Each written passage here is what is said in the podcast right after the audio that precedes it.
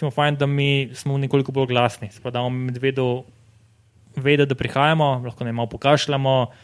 Rečemo, da je medo, prihajam, ki ta zgam. Pač ni nekaj, kar se lahko bolj na neutralen način prihajam, ne skupaj.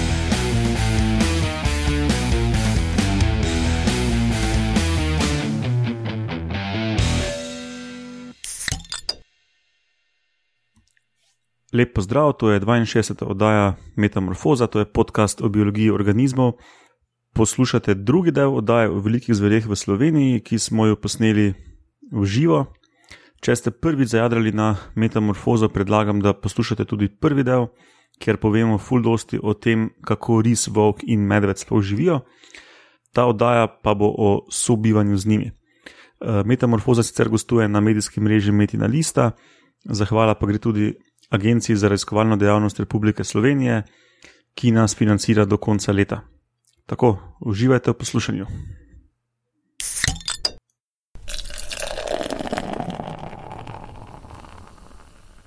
Ok, začnemo s tem drugim delom o velikih zvereh v Sloveniji. Uh, najprej bomo malo povedali, kakšno je sploh stanje danes uh, v Evropi, na splošno pa v Sloveniji. Uh, Prvo pa Roman naredil en uvod v to, Miha se pa še najbolj razgovoril, verjetno. Uh, tu imate na platnu eno sliko iz enega fajn članka, katerega so avtorje tudi Miha.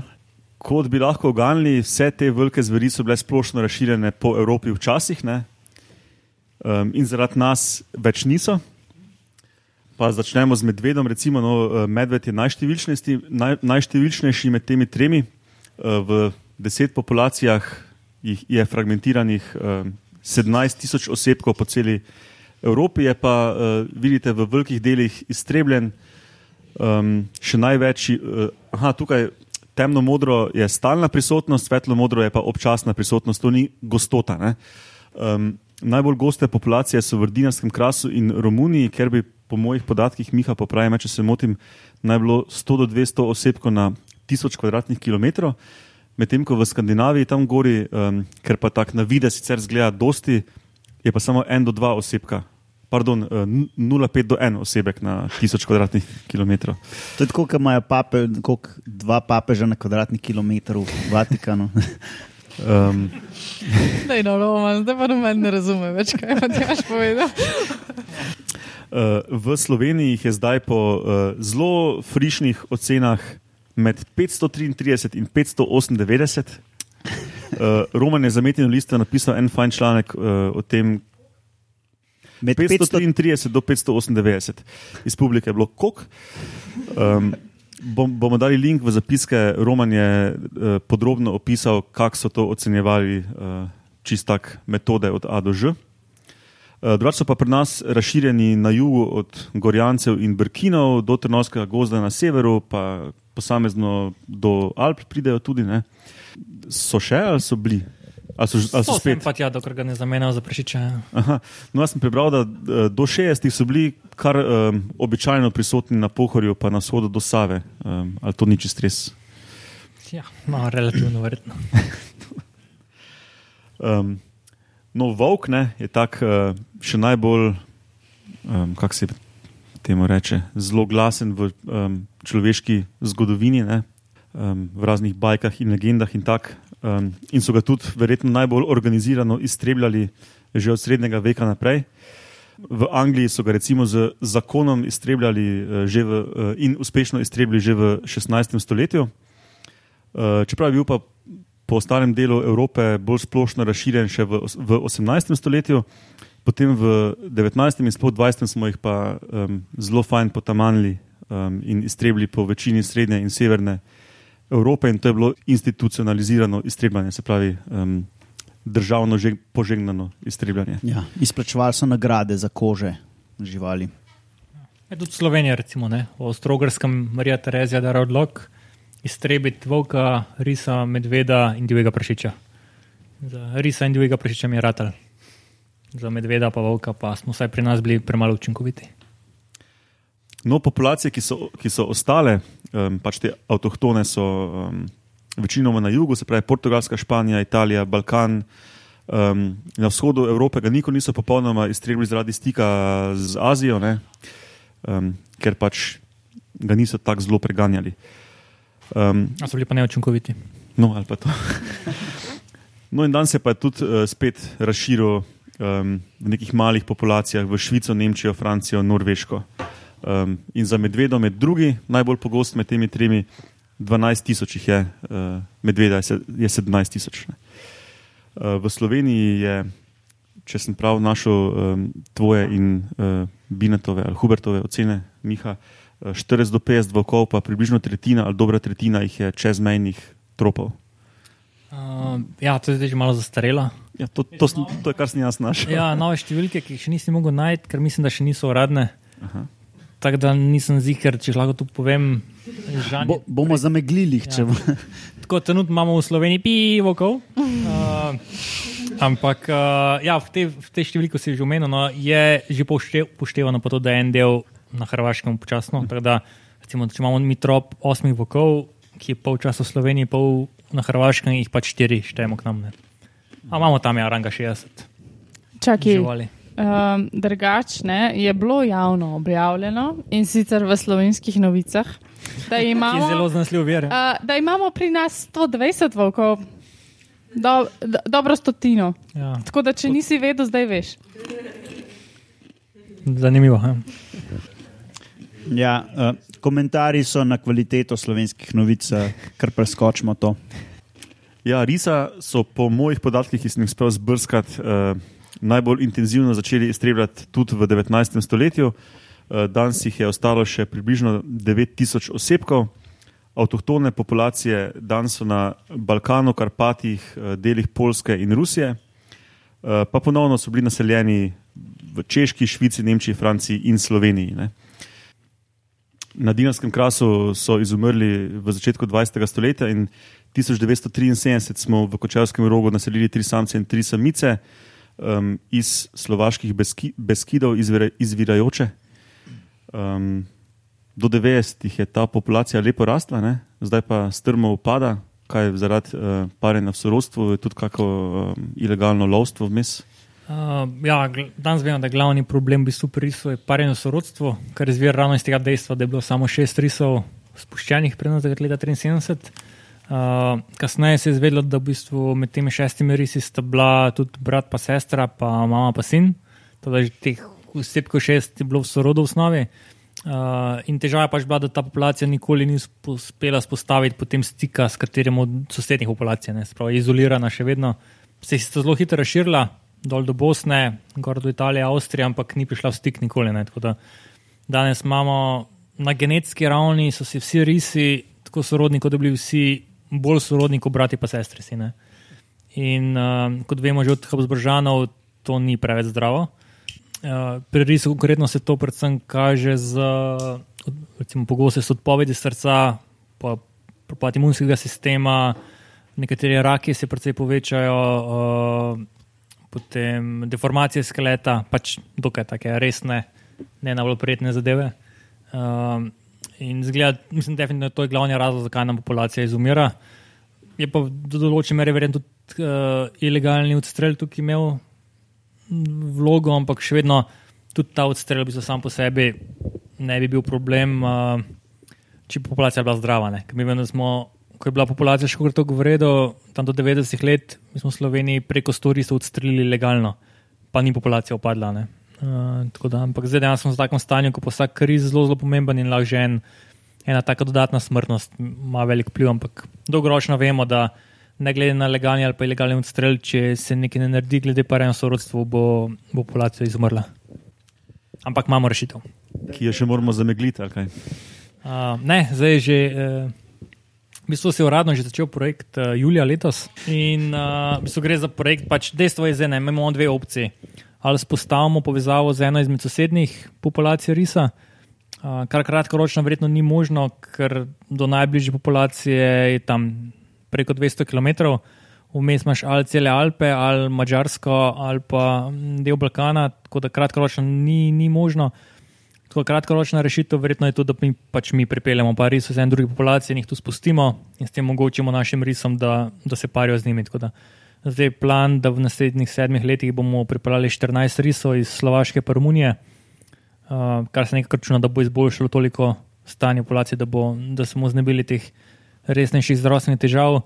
So pa tu znane izkušnje, recimo iz uh, Floridska Puma, Floridski Panther, tako imenovani, mm. imajo podobne težave in tam so potem spustili devet Pum iz Teksasa in populacija se je zelo hitro potem pomogla. No, tako da nekako upamo, da bo podobno pri nas. Ja, eno vprašanje. Uh, kako bodeča žica na meji s Hrvaško vpliva na naše živali? Ja, to, če govorimo o velikih zvereh, zdaj, da je bila neka neposredna smrtnost, se pravi, da bi živali tja prišle, pa se porezale do smrti in poginile, takih primerov še ni znanih.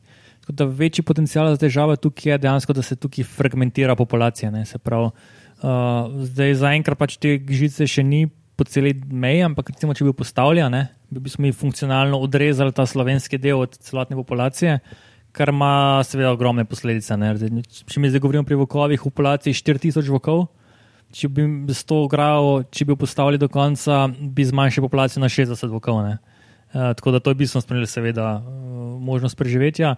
Zdaj, ko je trenutno določen genski pretok, še vedno obstaja. Najpomembnejši je verjetno predvsem ta del med Ilirsko bistrico, pa prezidom, se pravi Snežniška planota, kjer je tako, v bistvu se neprekinjeno ta gozdni kompleks nadaljuje na Hrvaško na srečo tam zaenkrat ni še žice. Uh, tako da verjetno ja. zdaj ni, da je populacija bila ogrožena zaradi tega, ampak če bi pa prišlo dejansko do zgraditve po, drža, po celotni državni meji, bi bilo pa to resen, resen problem. Ja. Se bo pa videl ta učinek šele za mikom, ne? ta genetika pač traja.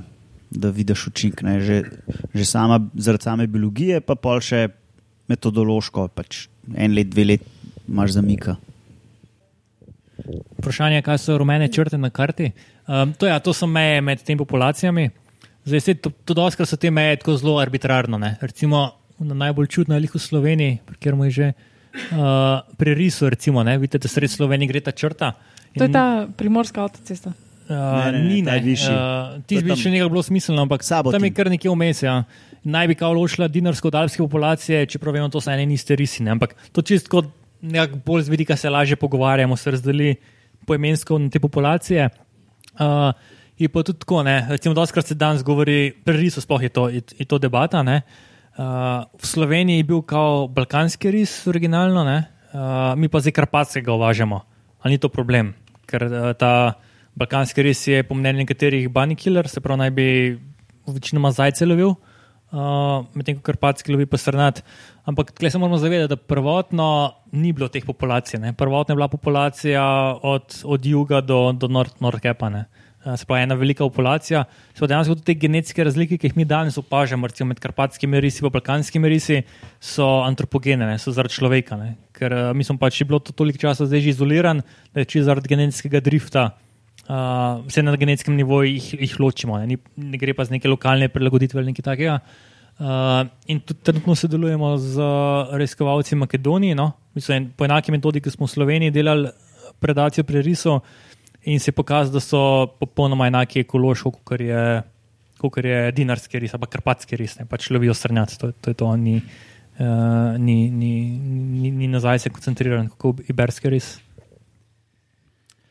Tako da ja, te črte so bolj tak.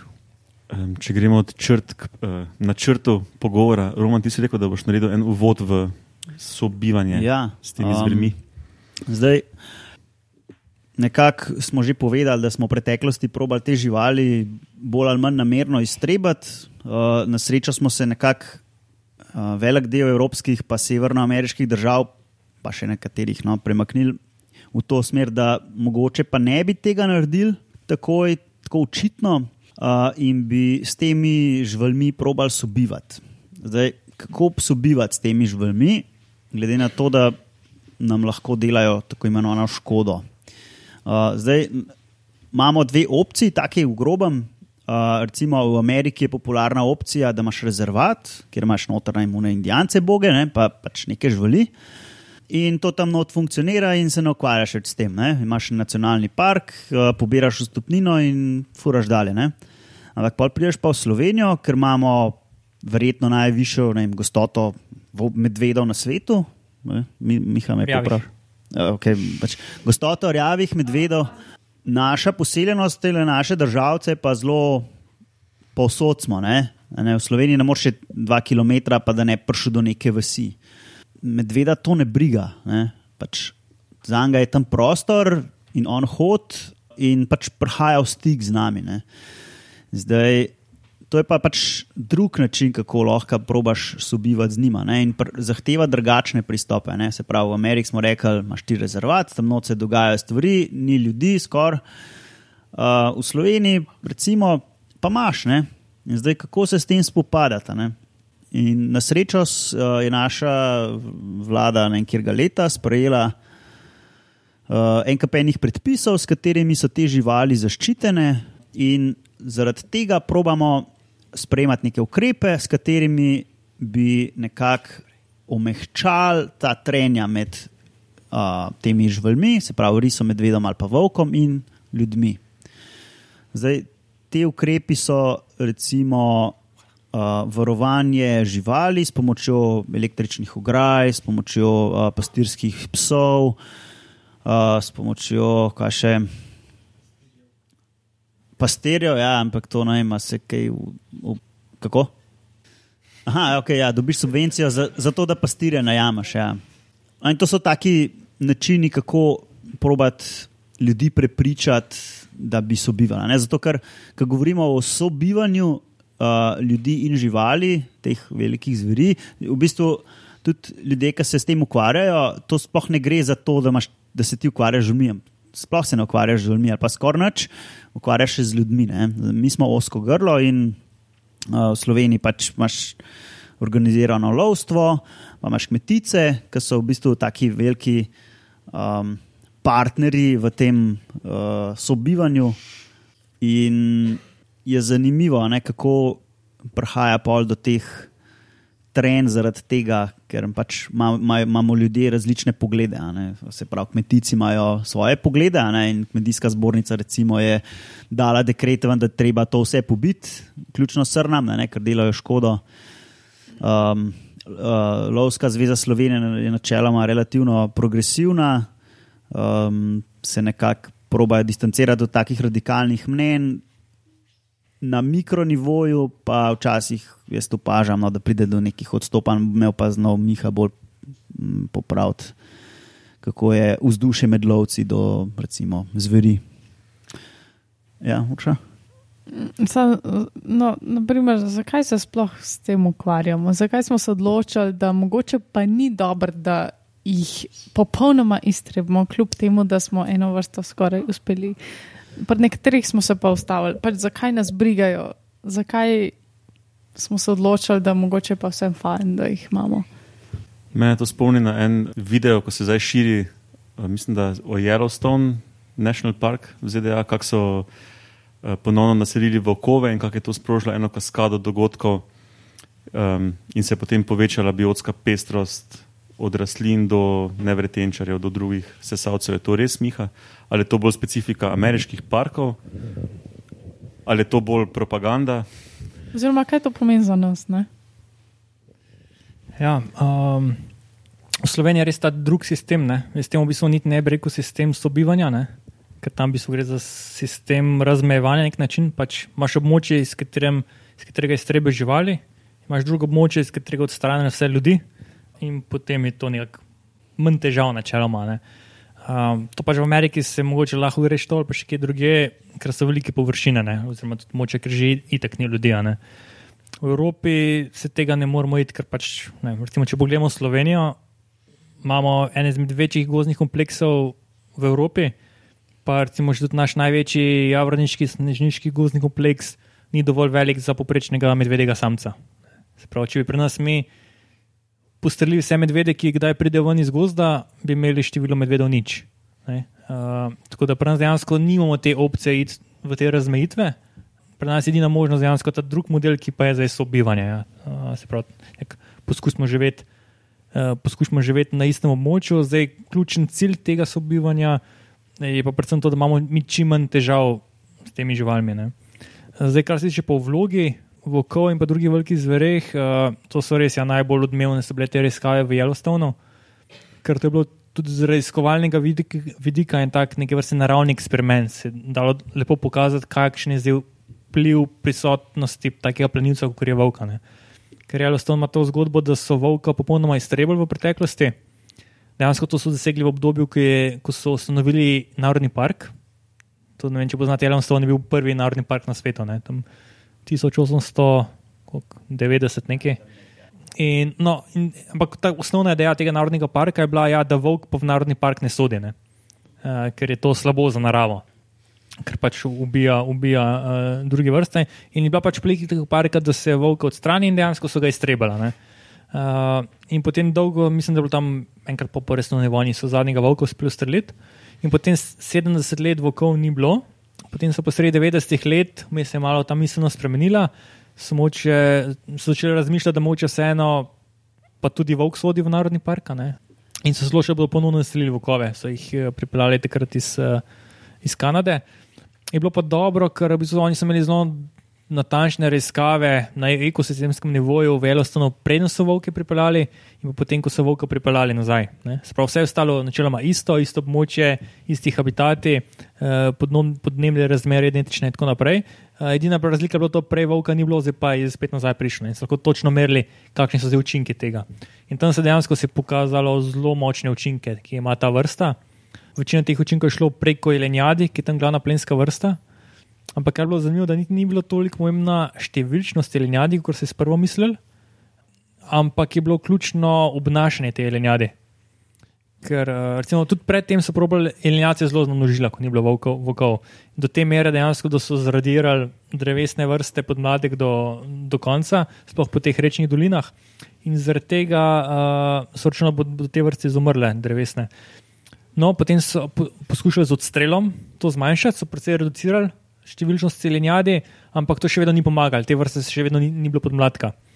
In potem so že upali, so, so spet zelo zmanjšali, zmanjšali ta odstrel. No, potem so pa volka pripravili nazaj in kljub temu, da je bila številčnost celenjadi večja, kot prej, ko so z odstrelom poskušali, so naenkrat začeli opažati, da se drevesne vrste vračajo.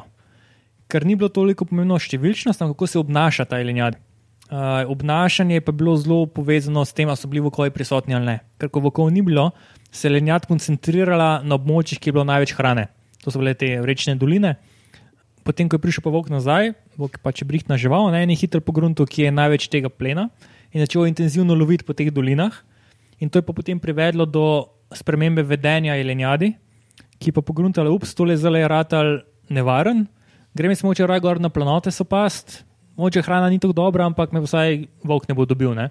in je prišlo v bistvu do prostorske prerasporeditve te jelenjade, in to je mogoče potem so se drevesne vrste začele vračati. Uh, in to je imelo potem celo kaskado drugih plivov. Se pravi, ko so se vračale vrbe, so prišli nazaj bobri. Bobri so tako imenovani ekološki inženirji, gradijo izove, podirajo drevesa, se pravi, so se ustvarjali novi habitati, mokrišča, uh, jezerca in tako naprej, ki je bil spet nov habitat za račke, žabce in tako naprej. Sprav, tudi pokrajinsko, če gledamo sliko, se je precej spremenila. Ne? Zdaj se je, kadar imamo pa mi območje, ki je pod močnim vplivom človeka, za razliko od nekega narodnega parka, ne? je pa ta učinek plenilcev bistveno manjši. Recimo v Evropi je glavni vzrok smrtnosti jelenjadi in, in drugih resnojedcev človek, ki odstrela. Ne? In se zaradi tega ni pričakoval, da bo imel volk tako močen vpliv, kot recimo ga ima Velostavno. In tudi neke raziskave kažejo, da je ta vpliv bistveno manjši. Ne? Recimo v Beoveži na Polskem so spet opazili dokaj močen vpliv, ampak to je spet nek narodni park. Ne? V Sloveniji takih taki učinkov, kot je bil Velostavno, nismo, nismo opazili. Ne? Ma pa nekatere druge učinke, recimo lahko volk. Recimo v Severni Ameriki tudi so opazili, da ima močen vpliv na kojota. Uh, v Sloveniji pred kratkim je ena študija pokazala, da je podobno v Evropi s šakalom. Ne, ne, ko poznate šakala, šakal je vrsta, ki je že prisotna več tisočletij v, v Evropi. Uh, tam nekje 8000 let so najstarejši fosilni ostanki znani, ampak v bistvu večina, oziroma kar nekaj tisočletij, je bil šakal omejen samo na robe Evrope. Ne, to so predvsem sredozemski otoki, pa nekatere obale sredozemlju, predvsem Jadrans, v Jadranu, pa Grčiji, Bulgariji. Uh, no, in potem po tisočletjih, v bistvu prisotnosti na teh manjših območjih, se je še kar pa enkrat razširil v zadnjih 100-200 letih, ja, zdaj dosegel že Dansko. Uh, uh, Nizozemsko. Nizozemsko, ja. ja, potem gor Estonijo in tako naprej. In kot kaže, bil glavni vzrok, ki je mogoče to širjenje ali pa sprožil to širjenje šekalo, je bilo ravno to, da smo ljudje volka iztrebali v večjem delu Evrope. Ne. Če gledamo, ki se danes šekal širil, oziroma se je širil, so predvsem območja, kjer je bil volk to prvi iztrebljen. Uh, tudi če danes se izogiba območji, kjer je volk. Imeli smo tudi par, par primerov območij, ki so jih poselili šakali, potem se je pa volk zdaj spet vrnil nazaj. In v večini teh območjih je, je, je še kaj spet zginilo. Tako da ima tudi v, v, v območju, kar je Evropa, ki je zelo pod vplivom človeka, ima tudi volk očitno še vedno neko upravljanje določene ekološko funkcijo. Uh, zdaj, kako je to močna, je zelo težko karkoli generalizirati, prenašati neke izkušnje celostno Evropo, po mojem, ne mogoče, ampak ja, pa, je pa vpliv, definitivno se kaže. Um, podobno tudi z medvedom. Medved ima eno tako pomembno funkcijo, ki pravi, je raznašanje semen preko svojih kakcev. Uh, pri risu se je pokazalo, da preferenčno pleni žival, ki je v slabši kondiciji, uh, skrbi za zdravstveno stanje in tako naprej. Uh, zdaj vprašanje je, če pri nas volk podobno vpliva na vedenje uh, jelenjadi, kot je Yellowstone. Uh, ne vemo čisto natančno, ker ni bilo tukaj iskan. Uh, mi smo gledali, ena študija bila narejena glede objedanja drevesnih vrst in tam se kakšnega večjega vpliva ni opazil. Kar je verjetno posledica tega, da pač glavni vzrok smrtnosti pri nas je človek, zelenjatne. Tako da verjetno se zelenjat bolj prilagajajo človeku, kot pa, pa volko. Um, je bil recimo v, v bližini srbologo, volči smo opazili manjše objedanje, se pravi, nekako očitno izogibajo. Je pa, je pa to daleč tega, kar je predvsem bilo Yellowstone, ampak to je verjetno posledica tega, da imamo vpliv človeka. Pa če smo že pri vedenju, um, koliko pa smo mi vplivali na, kot um, top predatori teh zveri na vedenje njih samih, ali pa ne vem, na, dne, na dnevno, nočno aktivnost ali kaj takšnega. Se to kaj ve? Naprimer, ne, če te dopolnimo, v Severni Ameriki ni problem, da opazujemo grizlije, ki so v bistvu rjavi medvedi, ne ista vrsta, kot jih imamo mi sredi dneva. Uh, tukaj pri nas so pa večinoma aktivni po noči, podobno za volke, rise. Ja, dejansko se smatra, da je ta nočna aktivnost zveri v veliki meri povezana z človeka. Pač. Uh, na medvedu je bilo to moče najbolj raziskan, predvsem v Skandinaviji.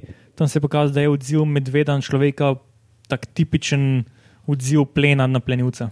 Dejansko nas, nas te živali dojemajo kot resno grožnjo, kot dejansko nekega nadapex plenilca, če bi rekli temu. Uh, ena zanimiva študija je bila, mislim, da v Science objavljena lansko leto so pokazali, da je človek globalno prevzel tisto funkcijo res vrhovnega plenilca, ima daleč največji vpliv kot kjerkoli plenilc na svetu. Ne. So zanimivo, ne? recimo glavni konzumator rib na svetu je domači prašič. Pač ljudje to kot vzamemo rib in potem sfutramo v živino reje. Da je dejansko globalno takšen vpliv, bi svoj enormni vpliv človeka, da dejansko ti plenilci pa nekako zgubljajo ta, svojo, ta svoj vpliv, ki so ga imeli še prvotno. Ne, poleg tega, da so zelo popularni v naši prehrani, tudi ne, te apex plenilci, še posebej morski. Ja, morski, ja, zdaj volk res niso nekaj zelo popularna, bi rekel. Čeprav sem slišal, da je bilo še v 70-80-ih bila neka konferenca v Risu na Čehoslovaškem, da so ponudili pašteto iz Risa. Uh, Ampak načeloma plenilci niso tako priljubljeni zaradi parazitov. Jeterno pa šteti. ne vem detajlov, ampak vem, da Janez Šop, ki je bil tam, je poročal, da so imeli ja, to na voljo. Je pa medved, recimo, pa je dost, uh, se, pač, se uporablja v prehrani, ne? ampak medved mi tak, ja. Plenilec vrližen tako, kot je bil prašič. Uh, se pa recimo pri volkih tudi vidi uh, ta vpliv človeka, ki vidi gozdarsko prikolco, on gre kar v kol, ne, to ne gre pač ve, da je tam človek, to ne bo dobro in gre v velikem loku. Kol. Tudi načeloma, ne, ko srečamo medveda, se nas ustraši. Oziroma, če smo dovolj glasni, zbeži. Ja, večina medvedov je. Ja. Imamo, ja. imamo tudi osebke, ki so se rečemo, temu, habituirali na prisotnost človeka, se pravi, po domači bi temu rekli, da so izgubili strah pred ljudmi. In pogosto so te medvedi zelo konfliktni, ker pač nima več te tega strahu in pač mu ni problem priti v bližino naselja, ker v naselju tam pa dobro ved, tam je pa ker se, ker se dobro je. Ne. Tam je vedno kaj hrane, v obliki smeti, sadovnjakov, klavniških odpadkov, kompostov in tako naprej. Uh, in jasko v Sloveniji se mi načeloma ne želimo medveda, ki se ne boji človeka, ne, ker pač vemo, to povzroči precej konfliktov. Uh, je pa drug problem pri tem, to, da ker se medved človeka toliko boji, ne, se pa s tem poveča verjetnost napada v posameznih srečanjih. Ne. Recimo, nek medved, ki je habituiran na človeka, ki nima strahu, če ga mi presenetimo, je dejansko precej manjša verjetnost, da bo napadel človeka. Uh, ampak težava je to, da tak medved bo tako pogosteje prihajal v stik z ljudmi, da še vedno to potem na končni verjetnosti odstehta. Ne? Tako da je še vedno dosti boljši med mm. medvedi, ki se bojijo ljudi, kar pa, kar pa ne. Okay. Uh, je pa to pomembno potem se ja pri teh napotkih, ki smo pregovorili, kaj narediti. Če nočemo uh, imeti neprijetnega srečanja z medvedom, ne, pač ga ne smemo pa preveč prestrašiti. Mm uh, se bomo vrnili na to, kako se obnašati, ko srečamo medveda. Tam smo imeli eno vprašanje. Um, vprašanje je bilo, kaj se zgodi potem, ko smo človeka vzeli iz okolja, se pravi, recimo v primeru Črnobila, kjer so se ljudje umaknili in je nekakšna narava prosto pot, kako se pa tam obnašajo te zadeve. Uh, ja, tam je zelo relativno hitro ne, prišlo do vračanja vseh teh vrst, vključno z bizoni, vokovi in tako naprej. Še celo losi. Ja. Ja. In bi se zelo dobro funkcioniralo vse skupaj, preživetje v okolju bistveno večje, ne? kljub temu, da je to eno izmed najbolj nesnažnih območij z, z sev, jedrskim sevanjem. Ne? Tako, kar ne vem, saj meni da malo misliti, ne? da bi se jedrsko sevanje je dosti bolj ugodno kot pa človek. Uh, to je ta take-home message. Ja. uh, ja, komentar iz publike je bil, da pač to sevanje verjetno vse ne vpliva dobro na živali, ne? da se pač napake genetske so relativno bolj pogoste, kot bi pričakoval. Uh, tudi fiziološko se živali niso v takem stanju, kot bi bile. Ne? Ampak, kot sem razumel, Miha je kljub vsem temu, ne, to, da ni človeka, še vseeno od tehta. ja, in preživetje, preživetje je kljub tej povečani smrtnosti zaradi sevanja še vedno manjše, kot pa je smrtnost zaradi človeka. Ne?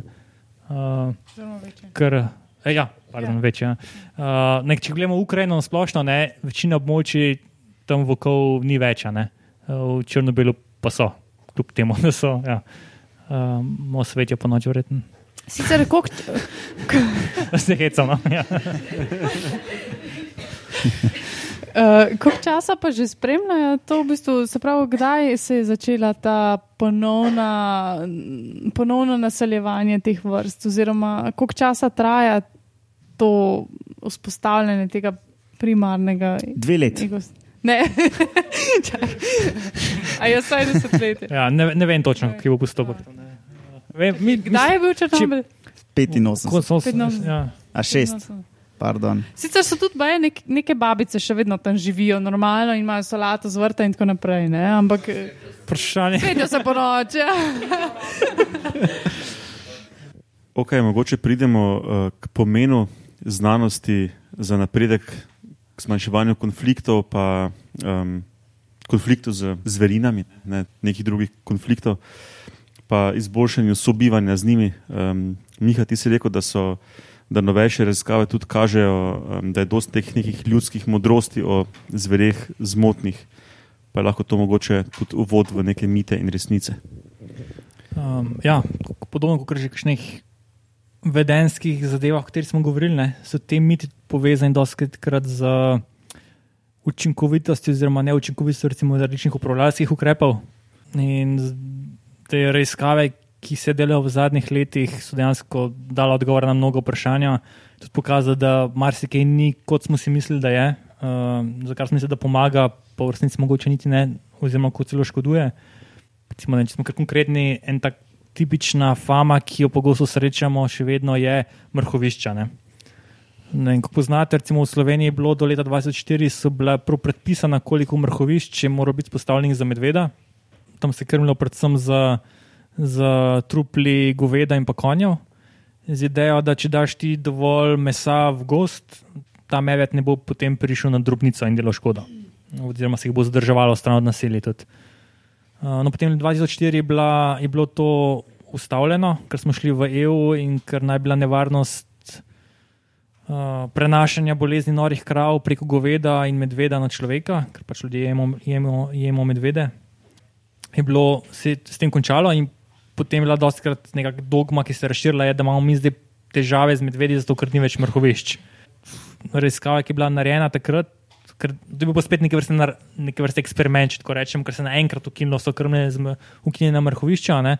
In potem smo gledali, kako je to dejansko vplivalo na škode, na kako pogosto medved napadajo drobnico. Ne?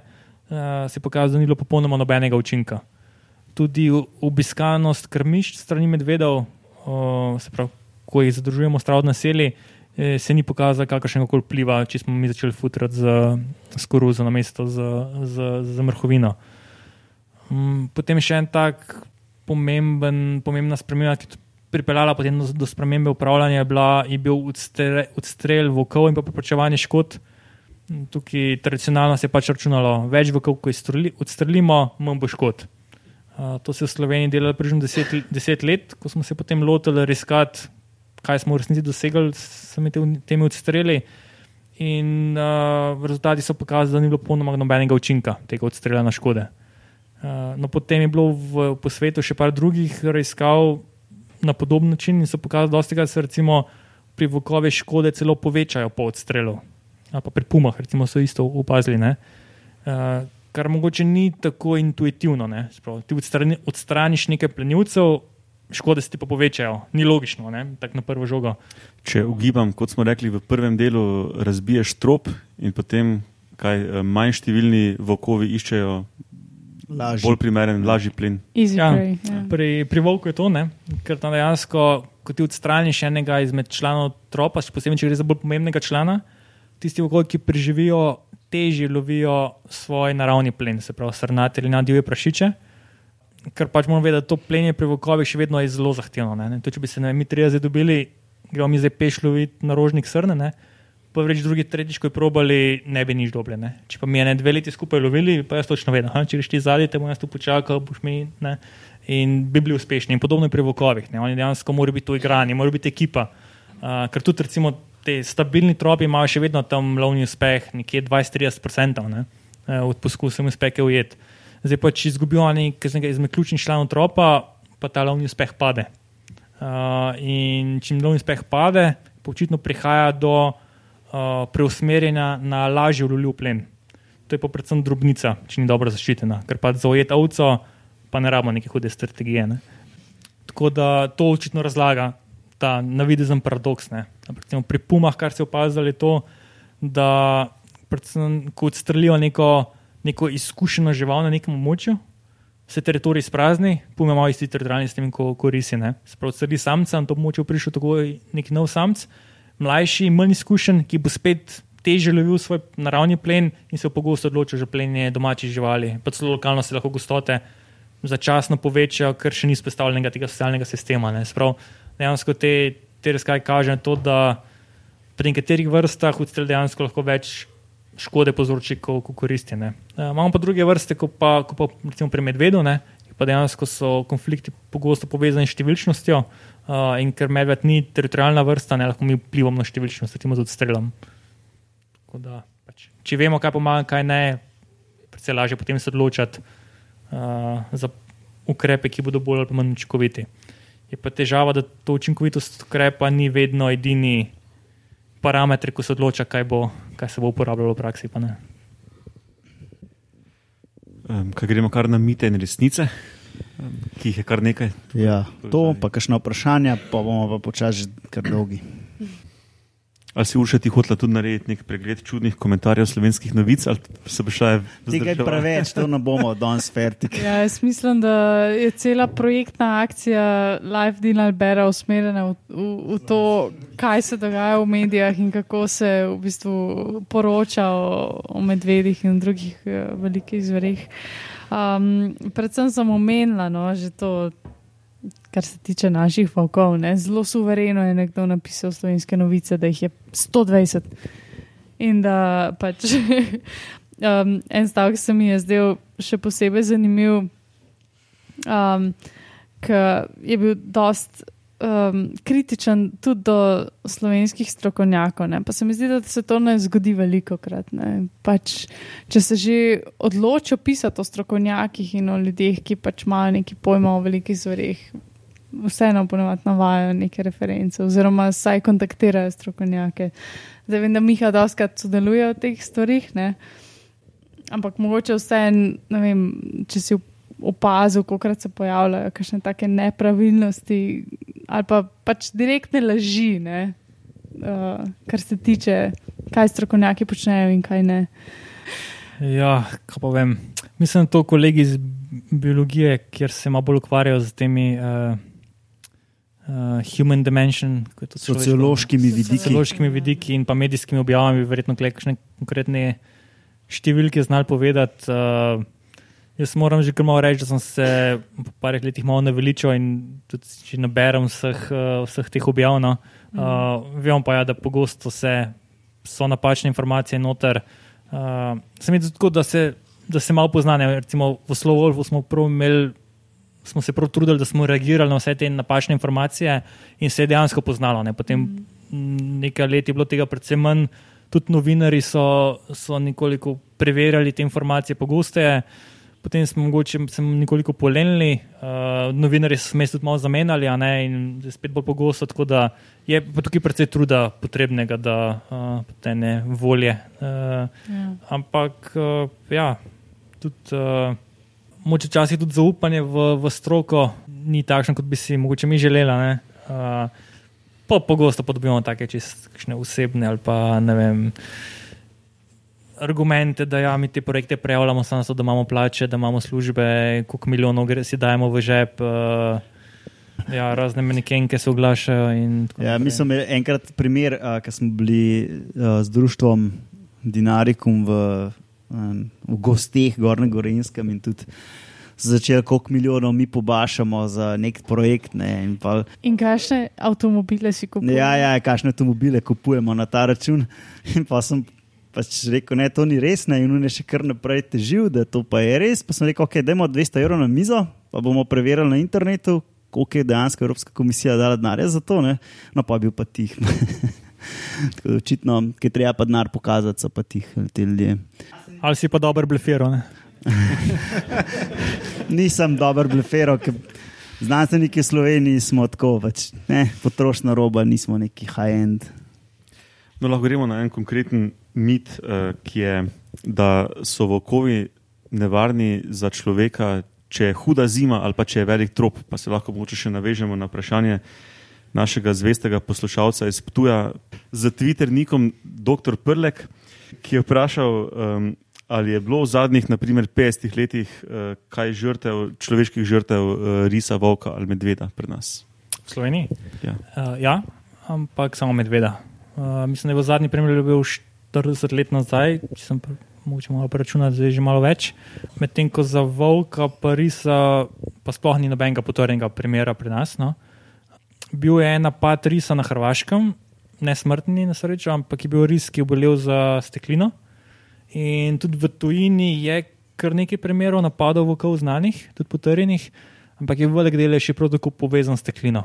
Večino poznate, je steklina pač bolezen, ki pliva na na, na žuču in v bistvu se vedenje čisto spremeni. Tudi, vem, če bi Uršo zelo recimo okužili steklino, bi ro... tebe ugrizel, ja, ali pa Romana, pač čim bližje. Medtem med ko pa ti to kar doma delate. Medtem ko pa zdravi, no, sreča je tudi to, da smo Slovenijo načeloma izkorenili zdaj steklino. Tudi te nevarnosti, tudi teoretično, naj ne bi bilo več. Zdaj pa zdrav volk ali pa res napadlo človeka, pa je verjetno zelo, zelo mehna, ni primera znanega. In tudi, recimo, kakšni zelo kritičnih situacijah, recimo za volka ali pa risa, se ne odzovejo agresivno na človeka. Ne. Recimo, rise smo večkrat vem, šli recimo, popisati mladiče, povzeti genetsko vzorčenje.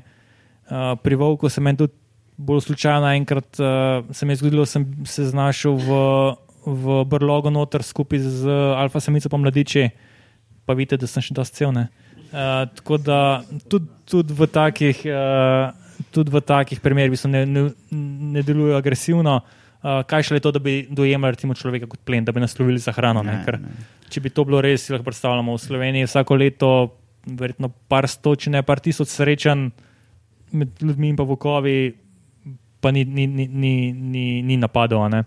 Uh, zdaj, pa en stran je to čudno, ne? ker če gledamo, recimo, volk, volk ubiti človeka, bi mogla biti res mala malca. Ne? Če volk podre tonskega bizona, uh, človek ni hiter, nima zob, uh, ni prav velik, ni problema. Uh, tako da iz kje je ta neke vrste blokada psihološka ne, uh, proti človeku.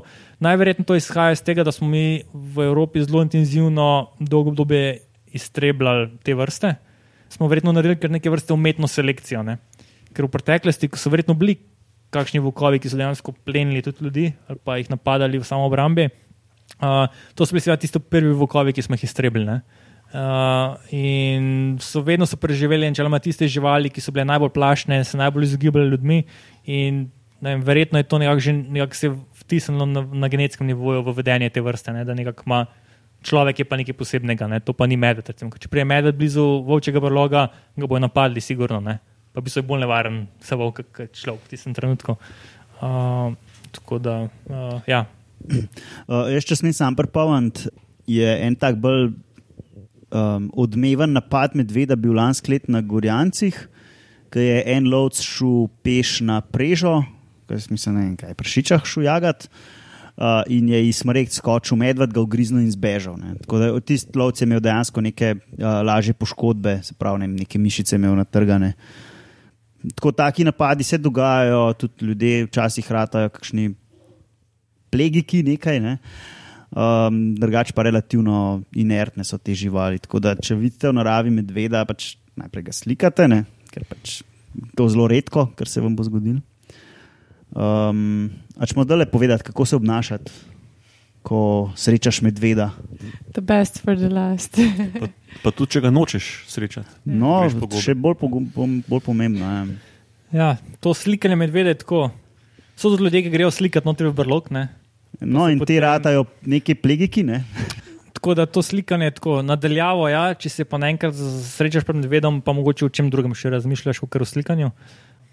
Zdaj, pri medvedu, kot sem rekel, medved je nevaren, predvsem z tega, ker se nekateri medvedi odločijo, da se bodo branili med raj, kot da zbežijo. Ne?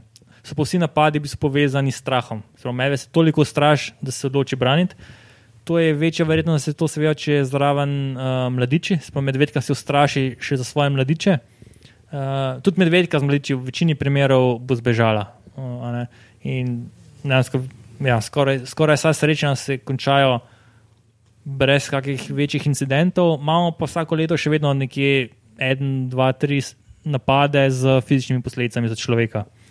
Uh, zdaj, kako se izogniti temu? predvsem je tisto najpomembnejše, da mi medvedu damo dovolj zgodaj vedeti, da prihajamo. Se pravi, da damo mi medvedu možnost, da se on mirno omakne. Uh, kako to narediti? Medved se zanaša predvsem na, na voh in pa na sluh. Se pravi, če mi ne, gremo skozi neko območje, ki je zelo slabo pregledno, kakšni gosti smrečni nasad, recimo, fajn, da mi smo nekoliko bolj glasni. Se pravi, da damo medvedu vedeti, da prihajamo, lahko ne malo pokašljamo rečemo, ne vem, medo prihajam, ki ta zgam. Pač ne nekaj, kar se vglasno, tako bolj na neutralen način prihajam. Ne, uh, tako, pač. tako da težava dejansko nastopi, ko mi medveda presenetimo, ne vem. Naenkrat se, se srečamo dva metra zraven ja. medveda. Ne? To se je zgodilo recimo temu na Gorjancih. Pač medved je v, v Grmovju čakal, da bo prišel na krmišče na koruzo. Mi se je prišel pa pač lovc, ki je šel na tisto krmišče na, na prežo in medved se je ustrašil in je ugriznil v ja. paniki in zbežal. Ne? Ali pa ti zgobar tudi nek, po nesreči pohodu medveda, ne. pa ga je medved ugriznil.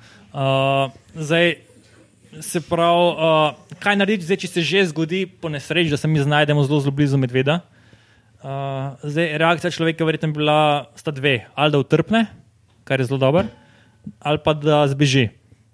Zdaj, z bežanjem je tako. Če nas medved hoče ujeti, nas ujame za šalo. Pa ne glede to, ako bežimo cik-cak, po hribu dol, po hribu navzdol, medved gre 40-50 metrov na uro po kakšnem koli terenu, ne imamo šans, da mu pobegnemo. Težava pri teku pa je to, da če mi naredimo neke sunkovite gibe, kar je, če se sprintamo, je, je, se lahko zaradi tega medved še bolj ogroženega počuti in nas mogoče napade, ki nas sicer ne bi. Um, tako, tudi vsi ti primeri, recimo, ja, še ena stvar, ki se moramo zavedati, je, da večina napadov pri medvedu je lažnih napadov. To, napad. to pomeni, da medved se zakadi proti nam, moče zarjove, udar šapa po tleh, ni pa fizičnega stika. Ne? Ker tudi z vidika medveda je fizični stik s človekom nekaj nevarnega, nekaj je riziko. Ne? Tako da on se poskuša temu izogniti. In nekje 90% napadov je takih, da, da, da, da, da ni fizičnega stika, 10% pa dejansko pride do, do ugriza. Uh, vsi vse te zgodbice, aha, me je medved napadel, pa sem komu izbežal, to so bili vse lažni napadi. Ker če medved hotel, da nas napast, bi, uh, bi nas dubo. Uh, tako da, recimo, kar ne delamo, je to, da ne vem, kričimo, mečemo kamne v medveda, uh, krilimo z rokami, kar se dogaja, so primerja. Uh, ker zaradi tega se v medved samo še bolj ogroženega počuti in je večja verjetnost, da dejansko pride do poškodbe. Sprav, najboljše je biti čim bolj miren, tih. Uh, Prej smo slišali, da delaš mrtvega, ja, si ležeš na tla, pokriješ glavo, to je dejansko dobra. dobra prav, medved, čim bo on začutil, da ni nevarnosti, pa ni več ogrožen, se bo on omaknil stran. Uh, ampak najboljše pa je tisto, da poskrbimo za to, da ne pride sploh do tega bližnjega srečanja, se pravi, da nekako opozorimo medveda dovolj nadaleč. Pri tem bi pripomnil, da pač, te pse takrat imeti presep. Uh, psi so doskrat razlog, da pač medved pride dosti blizu vas, pa se zažene za medvedom, medved se obrne, pa preleti nazaj k gospodarju ne, in se za vas skrije in ste kar naenkrat med medvedom in psom. Um, to dejansko se dogaja. Ne, in, um, če se da, imajte vse pod kontrolo na no, gozdu. Jaz sem pa sam mislila vprašati. To načeloma velja, ne? ampak poznaš koga, ki je te stvari implementiral v praksi in se dejansko obnesel? Se pravi, nekoga, Ja, ki ja. bi. Ja. So, so, so primeri. Ja. Ampak ne, a veš, mislim, zakaj o tem noben ne piše? Ne? Večinoma Ja, piše zanimivo. samo, ja, ni to zanimivo. Za slovenske novice. Ampak A- a ne bi bilo zanimivo, če bi nekdo napisal. Se je medveda ni bilo nič." Vlegu in se delo, da je mrtev, še dihati je nehal za eno minuto, zato je pač nek potapljač in medved ga ni napadel. Ne? Ja. Tega ni, ni. ni. Niso tako zanimive to novi- novice, ne, kot pa če imaš kakšno krvavo sliko zraven. Ampak mislim, ker je napadov lažnih, je zelo velik vsako leto. Srečan z medvedom na tisoče vsako leto. Uh, ampak ja, to niso zanimive zgodbe. Ne, tako da se nekako se razume, pač mediji se prodajajo. In, uh, Tako da ne verjete vse, kar slovenske novice pišejo. sploh pa to ni reprezentativen vzorec, kaj se Tako je. Mimo grede, jaz sem pozabil, da, sem, uh, da si še, še ti neke slike poslal, Miha, Ja. ja. vnaprej. sem jih pozabil dati. To so ex-mrhovišča, zdaj krmišča, bolj okay. Ja. koruza na mesto mrtvih konjev. Ja, to je, uh, ker koruza načeloma ne prenaša bolezni norih krav. Ampak še vedno jo imajo medvedi zelo radi, tako kot Ja. so imeli mrtve konje. to dosti ljudi v bistvu ne ve, kako intenzivno je to krmljenje medvedov. ne. Uh, recimo, par podatkov uh, na območju medveda. Mi imamo krmišče s hrano, ki je zanimiva za medveda, poprečju vsakega 2,7 kvadratnega kilometra. Uh, vsake 100 kvadratnih kilometrov, se pravi, to je območje 10x10 km, mi vnesemo v gost približno 11 tisoč kg koruze vsako leto. A Ne, se pravi, To je 11 ton. ja, se pravi, Koliko jugotov je to? Uh, tako da uh, vnos te hrane v bistvu je, je, je enorm, kar seveda ne morem biti brez posledic. Ne. Te posledice so tako pozitivne kot negativne. Recimo, pozitivne je to, da pač na krmiščih je bistveno lažje izvajanje odstrela. Uh, ker če mi mogli medvede loviti, s tem, da bi tekli za medvedi po gozdu, bi bilo precej več napak in pa tudi nesreč, verjetno med lovom. Krmišča se lahko uporabljajo za monitoring, ekoturizem, do določene mere, sicer po zadnjih raziskavah, samo v jesenskem času tudi pomagajo k odvračanju medvedov stran od naselij. Je pa ena izmed težav, ki jo opažamo, to, da medvede recimo v zimskem času bistveno manj časa preživijo, preživijo v brlogih. To je ta študija, ki je že Roman prej omenil. ne.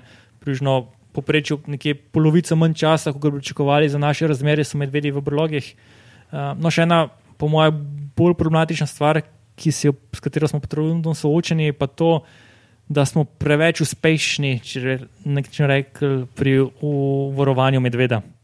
Ne? Recimo, upravljalski cilj pri medvedu načeloma je ohranjati stabilno številčnost. Sva ne želimo, da populacija upade in rata ogrožena, niti si pa ne želimo, da bi prav zelo se povečala, ker s tem vemo, bo več težav z medvedi. a ne. Uh, in to je bil cilj. Zdaj, zadnji podatki iz genetike so pokazali, da ta cilj ni bil dosežen, ker nam je populacija narasla za 33 odstotkov, kljub temu, da imamo mi v Sloveniji največji znan odstrel medveda, rjavega medveda v svetu. ne. Tako da mislim, da je to dober trenutek, da se začnemo pogovarjati ne samo v nadzorovanju številčnosti z vidika smrtnosti, ampak tudi z vidika rodnosti. Ne, ker pri medvedu, medved pač ni teritorijalna vrsta, smo, s tem smo začeli ne, zadnjič. In uh, pri medvedu je tisti glavni dejavnik, ki vpliva na, na reprodukcijo in pa tudi na končno gostoto uh, ali pa nosilno kapaciteto okolja, je hrana. Prav več, ko bo hrane, več bo medvedov, večja bo reprodukcija. Uh, v Sloveniji imamo zdaj na voljo tudi konkretne podatke. Vemo, da eno tretjino vse energije naši medvedi dobijo na krmiščih. In za medvedja se pa tudi dve. Recimo, če medvedka do zime ne, ne naredi zaloge, približno 20% maščobe, uh, se ne bo razmnoževala. Tako da v naravnih razmerah, verjetno v Sloveniji, takrat, ko ni obroda žira, predvsem medvedk se ne bi, ne, ne bi polegalo potem naslednje leto. Ne?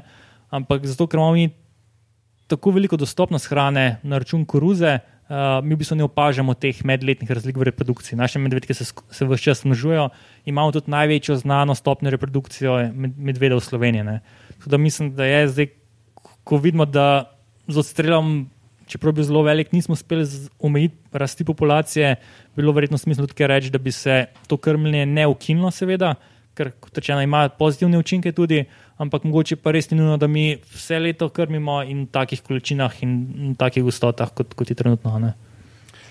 Eh, s tem smo tudi odgovorili na vprašanje Simone na Twitterju, ki je danes tudi tukaj. Zakaj je 30%, 30 povečanje populacije? A si zadovoljna z odgovorom? Zelo je zadovoljna, odlično, hvala, Miha. Ja, pač populacija je odvisna od štirih parametrov: ja. smrtnost, rodnost, imigracija, emigracija z imigracijo, emigracijo, vemo, da v zadnjih letih je približno izenačena. Govorimo predvsem o smrtnosti in rodnosti. Smrtnost je velika, ampak rodnost je še večja. V resnici se zdi zelo enostavno. Sam, ja, pač moramo vedeti, ne... kaj vpliva na to reprodukcijo. Ja. Uh, kaj pa če jim bi dal kondome v, v hrano? Ja. Vidim manjše Ro logistične težave pri tem. Ja, pa z letali bomo metali, tako kot una cepiva proti steklini. Pač pa, pa, pa z navodili zraven. Kako... No, to je tako, ja. Samo za info, roman, kondome se ne jemlje oralno. A je kontracepcija? Eno dajo, eno dajo, posvetite. Kaj si bom zapisal to, čakaj, čakaj. ja, eno vprašanje, pa grem pa na veci.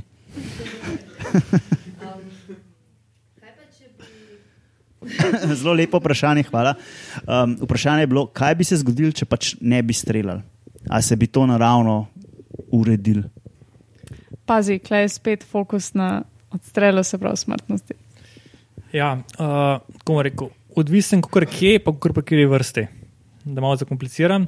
Pri volku, recimo na območju, kjer imamo danes teritorijalne trope, tudi če bi nehali z odstrelom, se verjetno ki bi se ne bi spremenilo ker vrsta je pač teritorijalna in tam, kjer je trop, je en trop in nikoli ne bo več enega tropa.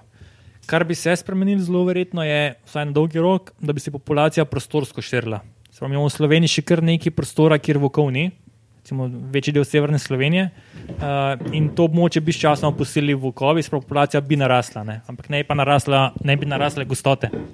Sicer bi pa tudi število najbrž, naprimer, če bi se nov trop spostavil na prostoru, ki ga zdaj še ni, naprimer na pohorju, ja. se pravi, da bi tudi število. Številčnost bi, ampak ja. ne lokalno, ne? se ja. pravi v, v, na nivoju Slovenije. Uh, pri medvedu je pa drugače, ker spet ni teritorijalna vrsta. Sprav, pri medvedu je predvsem hrana tista, ki določa, koliko jih je. Tako da bi številčnost, ja, bi se enkrat ustavljal ta, ta porast populacije, ampak uh, vprašanje, kdaj ne. Jaz sem pripričan, da v Sloveniji je hrane in prostora za preko tisoč, ne vsaj dva tisoč medvedov. Uh, vprašanje je pa, če smo Slovenci pripravljeni živeti recimo z 2000 medvedi. Uh, tako da, zdaj, ja, naravno bi se tam ustavili, ampak verjetno bi že prej ne naravno se z kakšnim nezakonitim smrtnostjo to ustavilo. Uh, tako da, moj, vsaj z mojega vidika, no, pri medvedu vsekakor dopustiti, da bi populacija narasla do tega, da bi dosegla nosilno kapaciteto okolja, sploh hrane, uh, ne bi bilo dobro niti za vrsto. Uh. Še eno vprašanje imamo iz publike.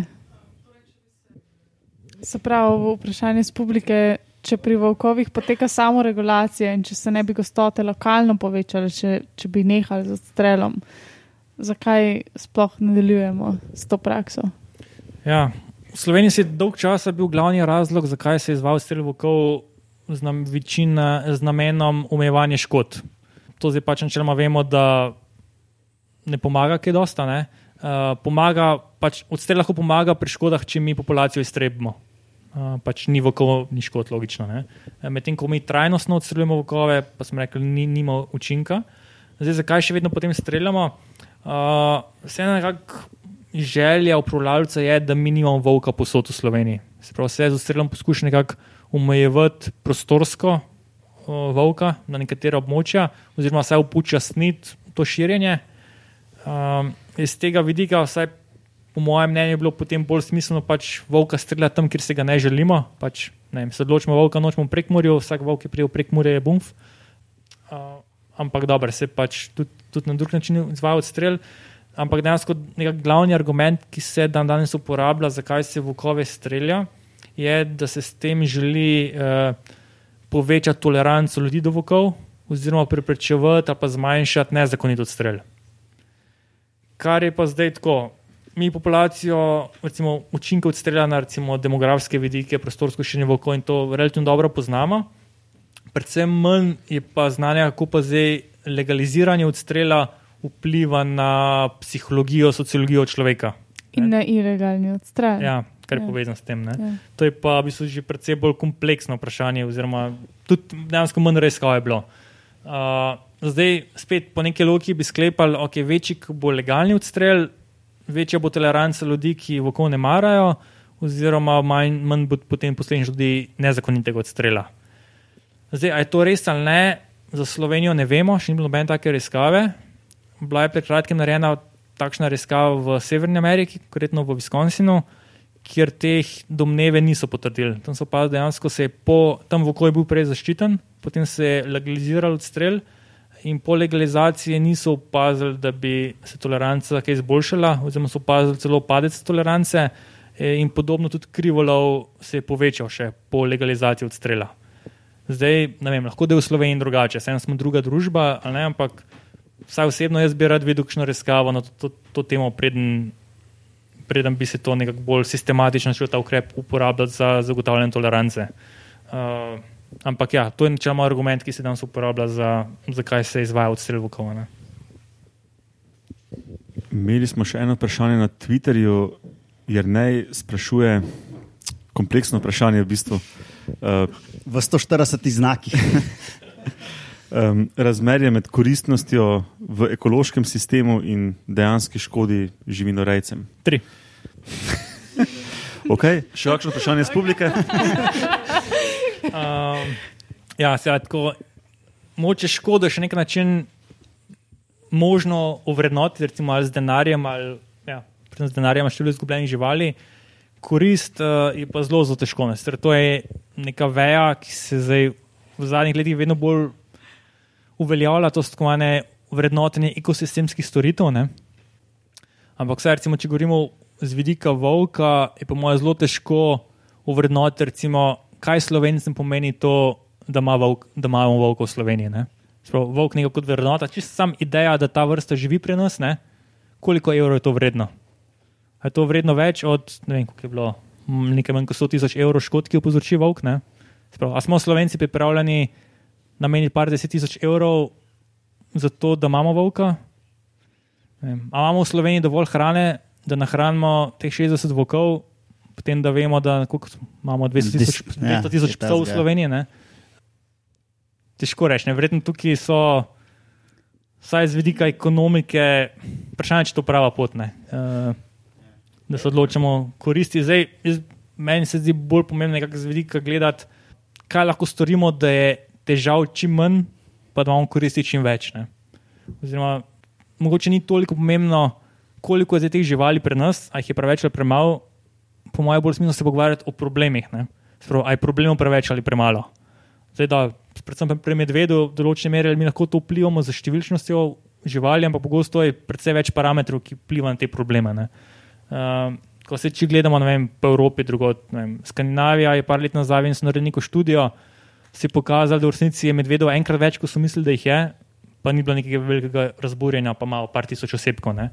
Uh, ne po drugi strani Francija ima 30 medvedov, ne, pa je že to absolutno preveč za mnogo ljudi. Tako da tukaj absolutne številke mogoče niso, niso tako pom- pomembne. Ne? Dejansko je to, uh, so težave, ki jih imamo s tem vrstami, so, so pomembnejše.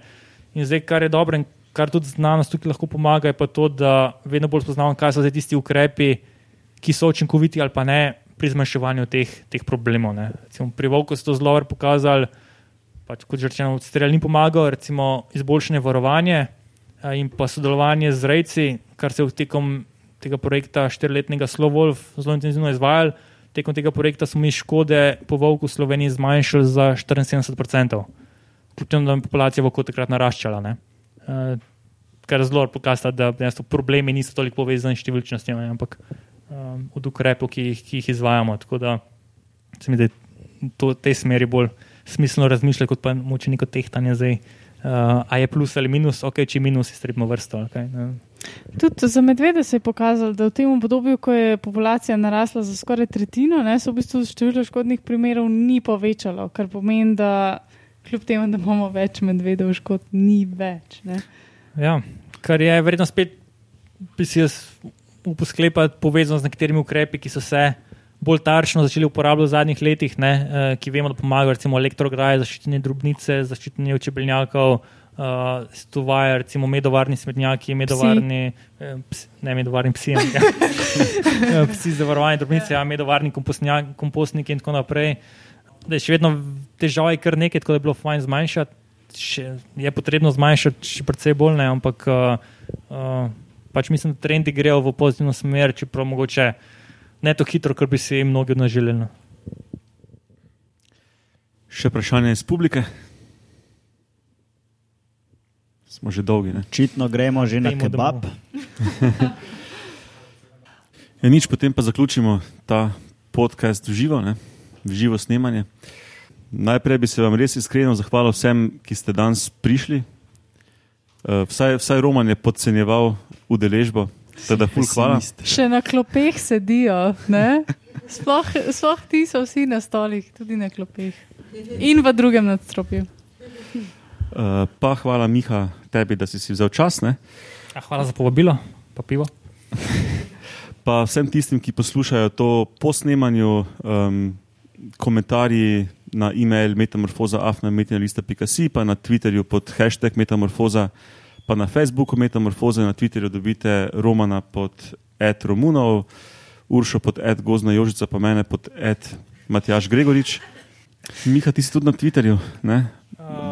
Manj aktiven, ampak si. Mislim, da sem. Ja. O, a res, to pa je res. Ja. Vem pa, da nisem na Facebooku no, in ja. sem ponosen na to. Ja.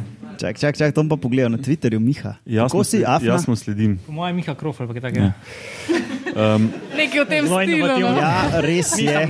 Gozna Jožica. um, Gozdni joža je že zaseden, sorry. te lahko poslušalci kje druge dobijo, če jih kaj zanima. E-mail bi bil kar dobra, se pravi miha.krofel, gmail. Okay. Uh, ja, hvala še enkrat RRS-ju za, za finančno podporo. Ja, tudi, tudi, tudi z njihovo podporo je danes bilo prvih, prvih 50 pirov zastojn. Tako da hvala, hvala pivovarni Brukru. Ja, link, link do pivovarne Brukru, Brukru bo tudi v zapiskih. Preverjeno kvalitetno pivo. Smo še kaj pozabili? Je to to? Uh, Naj bo to to. Ne? dajmo to reči. Da... No, hvala vsem, hvala vsem, da ste prišli. Lahko noč in do Ja. naslednjič. Čau. Ajde, čau.